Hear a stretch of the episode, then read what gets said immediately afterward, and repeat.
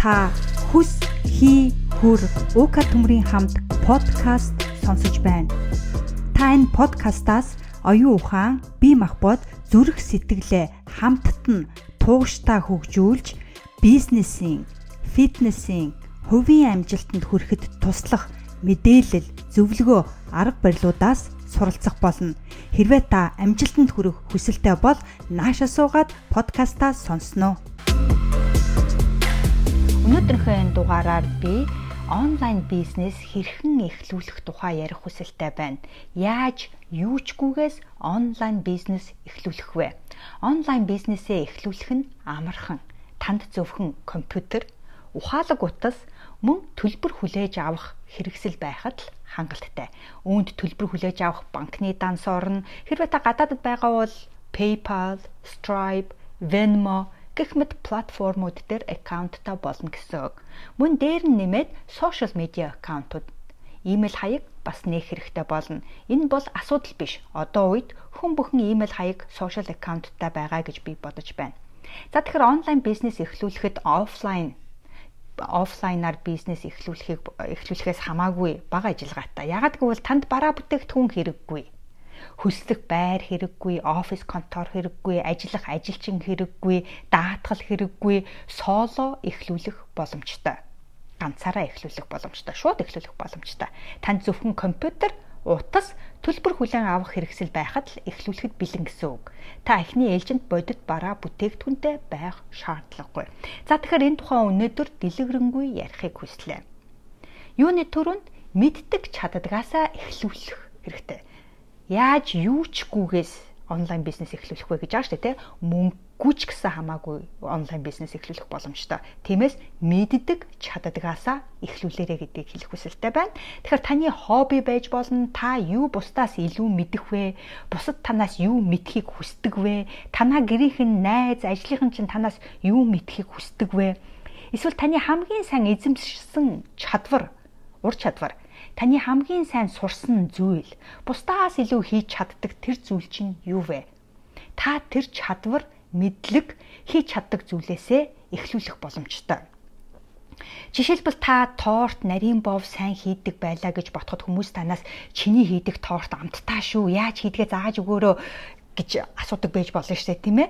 Э, тийм тохиолдолд гэрийн нөхцөлд амттай торт хийж сурах тухай зааж болно тийм ээ. Аа гэрийн нөхцөлд амттай нарийн бов хийх яаж хийх вэ гэдгийг заасан тэм цуврал хичээлүүд гаргаж болно. Хэрвээ та бүхнийг амжуулж чаддаг маш сайн ээж байлаа гэж бодъё. Тэгвэл хэрхэн яаж гэдэг тэр нууцаасаа эхлүүлэх боломжтой. Хэрвээ та ямар нэгэн юмыг хэрхэн яаж хийх вэ гэдэг арга тактикийг нэгт нэгэнгүй мэддэг бол түүнийгээ зааж болно. Юу ч байж болно. Үүнд хэрхэн яаж сав суулганы түлэнхийг арилгах вэ? Хэрхэн яаж хүүхэд унтуулах вэ? а хэрвээ та гэртээ дасгал хийгээд турсан бол хэрхэн яаж гэртээ дасгал хийж турах вэ гэдгийг зааж болно. Хэрвээ та хүссэн ажилдаа ороод түндэ амжилттай байгаа бол хэрхэн яаж хүссэн ажилдаа орж түндэ амжилт гаргах вэ гэдэг өөрийн туршлагаасаа хуваалцах болно. Эсвэл хүмүүс танаас чи дандаа гой загвартай хувцас олоод авчих юм а хаанаас олоод байна вэ гэж асуудаг бол та түүнтэйгээ холбоотой юм хийж болно гэх мэт маш энгийн зүйлээс эхлүүлэх боломжтой. Та үс цасч чадах уу? Тэгвэл та хэрхэн яаж үс цасах вэ? Хэрхэн яаж сурагч халмаг цасах вэ? Хэрхэн яаж гоё олон янзын стайлаар тийм ээ үсээ янзлах вэ? Тэр тухай зааж өгч болно. Хэрвээ та мужаан бол хэрхэн яаж мужаан мужаан болох анхны алхмууд гэдэг цуврал хичээлүүд гаргаж ирж болно тийм ээ. Тэгэхээр юу ч хийж болно. Та юунд илүү сайн бэ? Тэр бүгдээсээ бусадад хуваалцаж эхлэхээс таны онлайн бизнес чинь эхэлнэ гэсэн үг. Хүмүүсийн гаргадаг алдаа юу вэ гэвэл онлайн бизнес гэхээр ер нь бизнес гэхээр тийм ээ. Нэг л томоор эхлүүлэх гээд чадахгүй хугацаа алддаг. Заавал зээл тавих гал заавал одоо ямар нэг юм томоор хийх гээд хугацаа алддаг. Тэгээд зарим тохиолдолд бүр хийж чаддаггүй. Ихэнх тохиолдолд хийж чаддаггүй. Тэгэхээр томоор эхлүүлэх гэхээр мөнгөгүй, туслах хүнгүй, хаанаас яаж гэдгээ мэдэхгүй, цаг завгүй гэдэл зарим нөхдүүд хоошлуулж байгаа тийм ээ. Та ингэх шаардлагагүй мэддэг чаддгаасаа эхлүүлэх боломжтой. Хэрвээ мэддэг чаддаг зүйл байхгүй бол сонирхдаг зүйлээ сонгоод түүндээ эксперт мэрэгчлэн болж болно гэсэн үг. За уука минь надад та чаддаг ч юм алга мэддэг ч юм алга гэж байгаа бол юун дээр та мэрэгчлэн болмоор байна вэ? Түүнийгэ сонгоорой. За тэгэхээр мэддэг чаддаг юмнасаа яаж эхлүүлэх вэ? Нэгдүгээр эхлээд юу мэддэг, юу чаддгаа тодорхойлох. Тэгэхээр өөртөө цаг гаргаж байгаад би ер нь юу юу мэдэх вэ, юу юу чадах вэ гэдгээ сууж байгаа тодорхойлоорой. Хэрвээ та хоббигоо бизнес болгож байгаа бол өөрөөсөө асуугаарай. За та энэ хоббигоороо бизнес хийх үнэхээр хүсэлтэй байна уу гэдгийг өөрөөсөө асуугаарай. Яг гэвэл хобби гэдэг маань дуртай юмаа хийж түүнээсээ таашаал авдаг зүйл байгаа тийм ээ. Түүнийгээ бизнес болгоход хобби бизнесийн олон юмтай холилд болдог учраас нөгөө хобби маань хобби биш болдог тал бас бий л дээ. Тийм учраас бид мэдээж бизнесээ бүтээж байгаа учраас тэр дунд чинь доошоо орох үе байна, дээшээ гарах үе байна тийм ээ. А тэгтэл бид нар нөгөө хоббинасаа таашаал авч чадахгүй одоо асуудал гарч ирэх юм бол нөгөө хобби руугаа орхосоо бүр имэдэг болчихно. Тийм учраас та үнэхээр хоббигоороо бизнес хийх сонирхолтой байна уу гэдгийг бас өөрөөсөө асуугаад үзэх хэд илүүдэхгүй хэрвээ тийм бол сайн байна. Хэрвээ үгүй бол ондоо зүйлийг сонгороо гэдгийг би бас хэлэх хүсэлтэй байна. За хоёрдугаарт дараагийн алхам бол бизнес модельо сонгоно. Өөрөөр хэлбэл бараа бүтээгдэхүүн үйлчилгээгээ бусдад хэрхэн яаж хүргэж мөнгөө яаж хийх вэ гэдгээ тодорхойлно. Үүнийг би 3 категорид хувааж байна. Тэгэхээр эхнийхт нь хүмүүст холоос заах. Яаж гэвэл цахимаар сургалт явуулах онлайнаар тийм ээ хэрхэн яаж хийх вэ гэдгийг заах цахимаар тасгалжуулалтыг цахимаар зөвлөгөөгөө өгөх цахим ном гаргах гэх мэт бүх юмыг цахимаар хийн гэсэн үг. Тэгэхээр үүнд хуульч, эмч, гоо сайханч, багш, санхүү бизнес, гар урлал, оёдол, нэхмэл, бүжигчин, дуучин, нохоо сургагч гэдэл юу л бол юу л байж болно. Таны сонгосон зүйл онлайнаар байх боломжтой гэсэн үг. Тэгэхээр нэгдүгээр хүмүүст холоос цахимаар холоос заана гэсэн. За ингээ хоёрдугаарт хүмүүстэй хамт бичлэн ажиллах тийм ээ. Фитнес дасгалжуулагч, бүжгийн багш, гоо сайхан, үс хумс, нүүрний бодол гэх мэт үйлчлүүлэгчтэйгээ хамтран ажиллах бас байж болно. Ингээ 3 дугаарт хүмүүст бараа бүтээгдэхүүн онлайнаар зарах, бүтээгдэхүүн үүсгээд бусдад зарах эсвэл зах зээл дээр аль хэдийн байгаа бараа бүтээгдэхүүнийг бөөндөж аваад жижиглэнгээр зарж болно. Эсвэл бусдад санал болгож тухайн бараанаасаа хувь авахтай тухайн компаниас хувь авах байж болно. Тэгэхээр өөрөө эхнийхт нь тийм ээ цахимаар холоос заахт та өөрөө жишээлбэл чаддаг, мэддэг, чаддаг зүйлтэй байлаа гэж ботход түүнийгээ цуврал хичээл болгоод тэгж дижитал бүтээгдэхүүн болгоод та зарах боломжтой нэгдүгээрт цахимаар хоёрдугаарт бичлэн ажиллах боломжтой үйлчлүүлэгчтэйгээ гуравдугаарт бусдын бараа бүтээгдэхүүнийг борлуулж хувь авах эсвэл өөрөө бараа бүтээгдэхүүн үүсгээд түүнийг онлайнаар зарах байж болно. Хүмүүсийн гаргадаг эхний том алдаа бол томоор эхлүүлэх гээд байдаг. Тиймээс та томоор эхлүүлэх шаардлагагүй гэдгийг би дахин хэлэх хүсэлтэй байна. А хоёр дахь том алдаа бол онлайн бизнестэй болох шийдвэрээ гаргангууд шууд захим хөтөлбөр үүсгээл борлуулах эсвэл шууд бараа бүтээгдэхүүнтэй болоод түүнийгээ борлуулах гэдэг. Үүнд буруу байхгүй ч гэсэн хүнд зарж борлуулахаа мэддэггүй. Зарах юмтай болчих бол бушуухан зараад мөнгөө хийнэ гэж боддог боловч өөрөөр хэлбэл худалдан авагчдыг онлайнаар яаж олохоо тооцоолоогүй байдаг. Зарах юмтай болчих бол хаанаас ч хамаагүй хүмүүс гарч ирээд зарж байгаа юмыг авчихна гэж боддог. Энэ бол том алдаа. Хэрвээ та онлайн бизнесээ дөнгөж эхлүүлж байгаа бол ихэвчлэн нойлоос эхэлнэ. Нойлоос эхлэн гэдэг нь танд ямар ч худалдан авагч байхгүй, сошиал медиан дээр дагалдагч байхгүй, имэйл лист байхгүй байна гэсэн үг. Хэрвээ та аль хэдийн сошиал медиан дээр юмаа хийгээд эхэлчихсэн, олон фолловертой болчихсон бол өөр хэрэг шууд юмаа зараад эхлэх боломжтой гэсэн үг. А гэхдээ ихэнх хүмүүс нойлоос эхлүүлдэг. Сошиал медианы хоосон аккаунтаас эхлүүлнэ гэсэн үг л дээ. Би ч гэсэн анх нойлоос эхлүүлж байсан. Бүтээгдэхүүнээ гаргачихад за ингээд будаа болгоод баяжчихлаа гэж бодож байсан. Гэвч бүтээгдэхүүнийг минь худалдан авах хүн байхгүй бүтэн нэг жил болсон. Яагаад гэвэл би хэнд зархаа мэдэхгүй байсан, яаж зархаа мэдэхгүй байсан, юунаас эхлүүлэхэж бас мэдэхгүй байсан. Тиймээс 3 дахь та хэнд зарах вэ? Ямар хүмүүст зориулах вэ? Ямар хүмүүстэй ажиллах хүсэлтэй байна вэ гэдгээ маш тодорхой болгох нь зүйтэй. За тэгэхээр эхлээд юу мэддэг, юу чаддгаа тодорхойлно, дараа нь бизнес моделоо сонгоно, холоос заах уу, бичлэн заах уу, бүтээгдэхүүн гаргах уу, бусдын барааг зарах уу тийм ээ. Ингээд 3 дугаарт хинт зарах вэ, ямар хүмүүст зориулах вэ гэдгээ маш сайн тодорхойлно гэсэн үг. Жишээлбэл та ямар нэгэн юмыг хэрхэн яаж хийх вэ гэдгийг заах хүсэлтэй байгаа бол таны тэрийг сурах хүсэлтэй хүн хэн байх вэ гэдгийг бодно хамгийн түрүүнд таны эргэн тойронд байгаа хүмүүсээс хэн сурахыг хүсэх вэ гэдгийг бодоод үзээрэй. Таны таны хамаатан садангаас хамт ажилтдаг хүн, найз нөхөд, банкын үйлчлүүлдэг газрын хүмүүс байж болно тийм ээ. Эхлээд таны бүтээгдэхүүнийг авах магадлалтай ганцхан хүнийг олоорой. Олон байвал мэдээж сайн. Гэхдээ бидний зорилго бол эхний худалдан авахчийг хайж олох юм.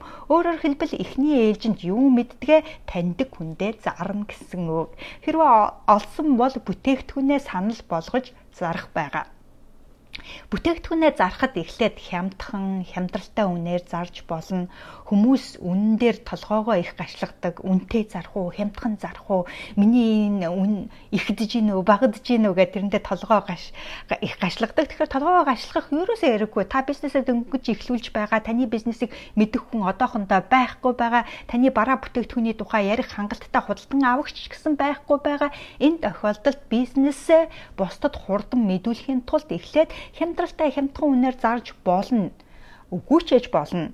Аа тэгээ хэрвээ хямдхан хямдралтай зарсан бол дараа нь явандаа үнэ нэмэх боломжтой. Хэрвээ таны бүтээгдэхүүн үйлчилгээ үнэхээр сайн бол хүмүүс цааш нь ярина, хинээс яаж худалдан авснаа, хинээс яаж сурснаа, цааш нь өөр хүнд ярьж санал болно. Хамгийн гол нь таны амлсан үр дүн хүмүүс өөр дээрээ гаргаж чадах нь чухал юм.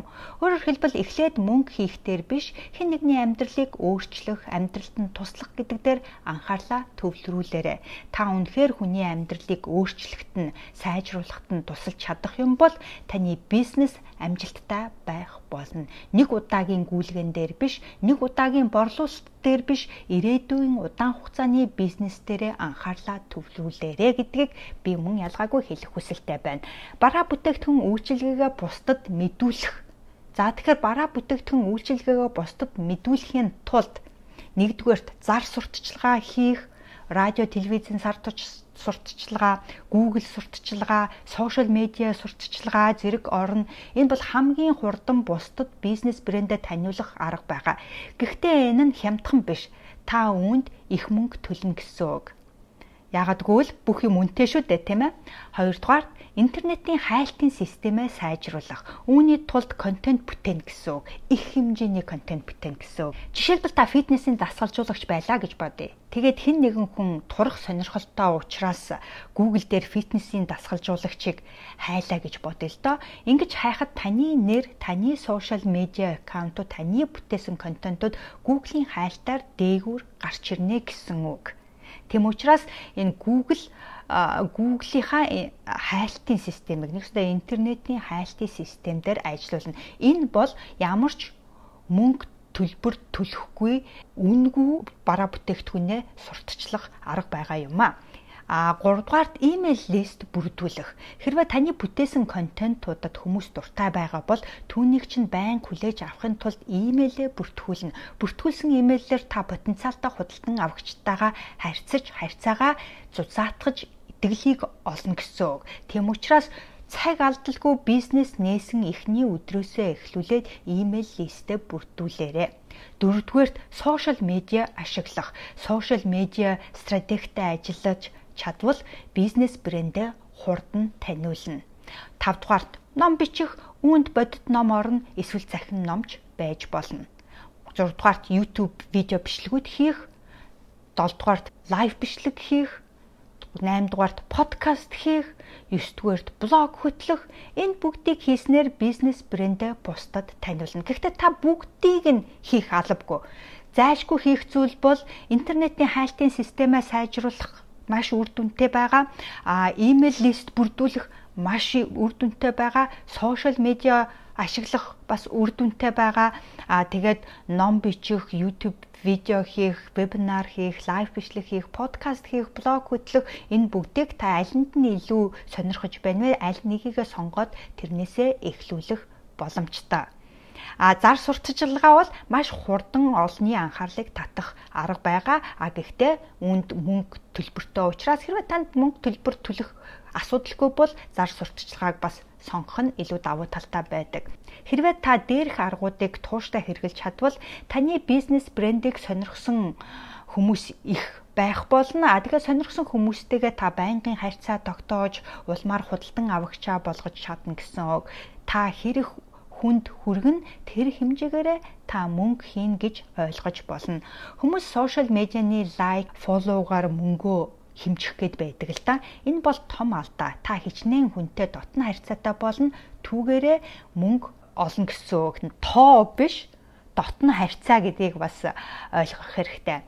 За тэгэхээр өнөөдрийнхөө энэ бичлэгийг бацсахад тийм ээ онлайн бизнес эхлүүлэхэд маш амархан офлайнаар эхлүүлдэгтэй адилхан биш танд смартфон, компьютер, төлбөр хүлээн авах хэрэгсэл байхад л та онлайн бизнесээ эхлүүлэх боломжтой. А тэгээд хүмүүсийн гаргадаг том алдаа, эхний том алдаа бол томоор эхлүүлэх гэдэг, томоор эхлүүлэх шаардлага байхгүй. Хоёр дахь том алдаа бол хүмүүс хинт зарах уу? Ямар хүмүүстэд зориулж байна вэ гэдгээ гаргахаасаа илүү бараа бүтээгдэхүүнтэй болчоод шууд зарах гэдэг а гэтэл тэрийг нь ямар хүн авах вэ хэн авахаа тодорхойлоогүй байдаг учраас түүнийгээ зарч чадахгүй бас бууж өгдөг тохиолдлууд их байдаг. А тэгэхээр трийгээ тодорхойлох нь маш зүйтэй. Тэгэхээр эхлээд юу мэддэг юу чаддгаа тодорхойлно дараа нь бизнес модельо сонгоно холоос заах уу бичлэн заах уу бүтээгдэхүүн гарах уу бусдын бүтээгдэхүүнийг зарах уу тийм ээ гуравдугаар тэнд зарах вэ ямар хүмүүс зориулах вэ гэдгээ заавал заавал заавал тодорхойлоорой. Тэгэхээр өнөөдрийн энэ яаж юучгүйгээс онлайн бизнес эхлүүлэх вэ тухай энэхүү бичлэг нь танд жаахан ч гэсэн айдиа санаа өгсөн байх гэж бодож байна. Хэрвээ таалагдсан бол та миний а подкастад фоллоу хийгээрэй, subscribe хийгээрэй. А тэгээ хэрэг болох хүмүүстэй цааш нь дамжуулаарай, сэтгэлдээ үлдээгээрэй. Хүс хий хүр зөвхөн таны өөрийн хүсэл эрмэлзэл таныг амжилтанд хүргэнэ.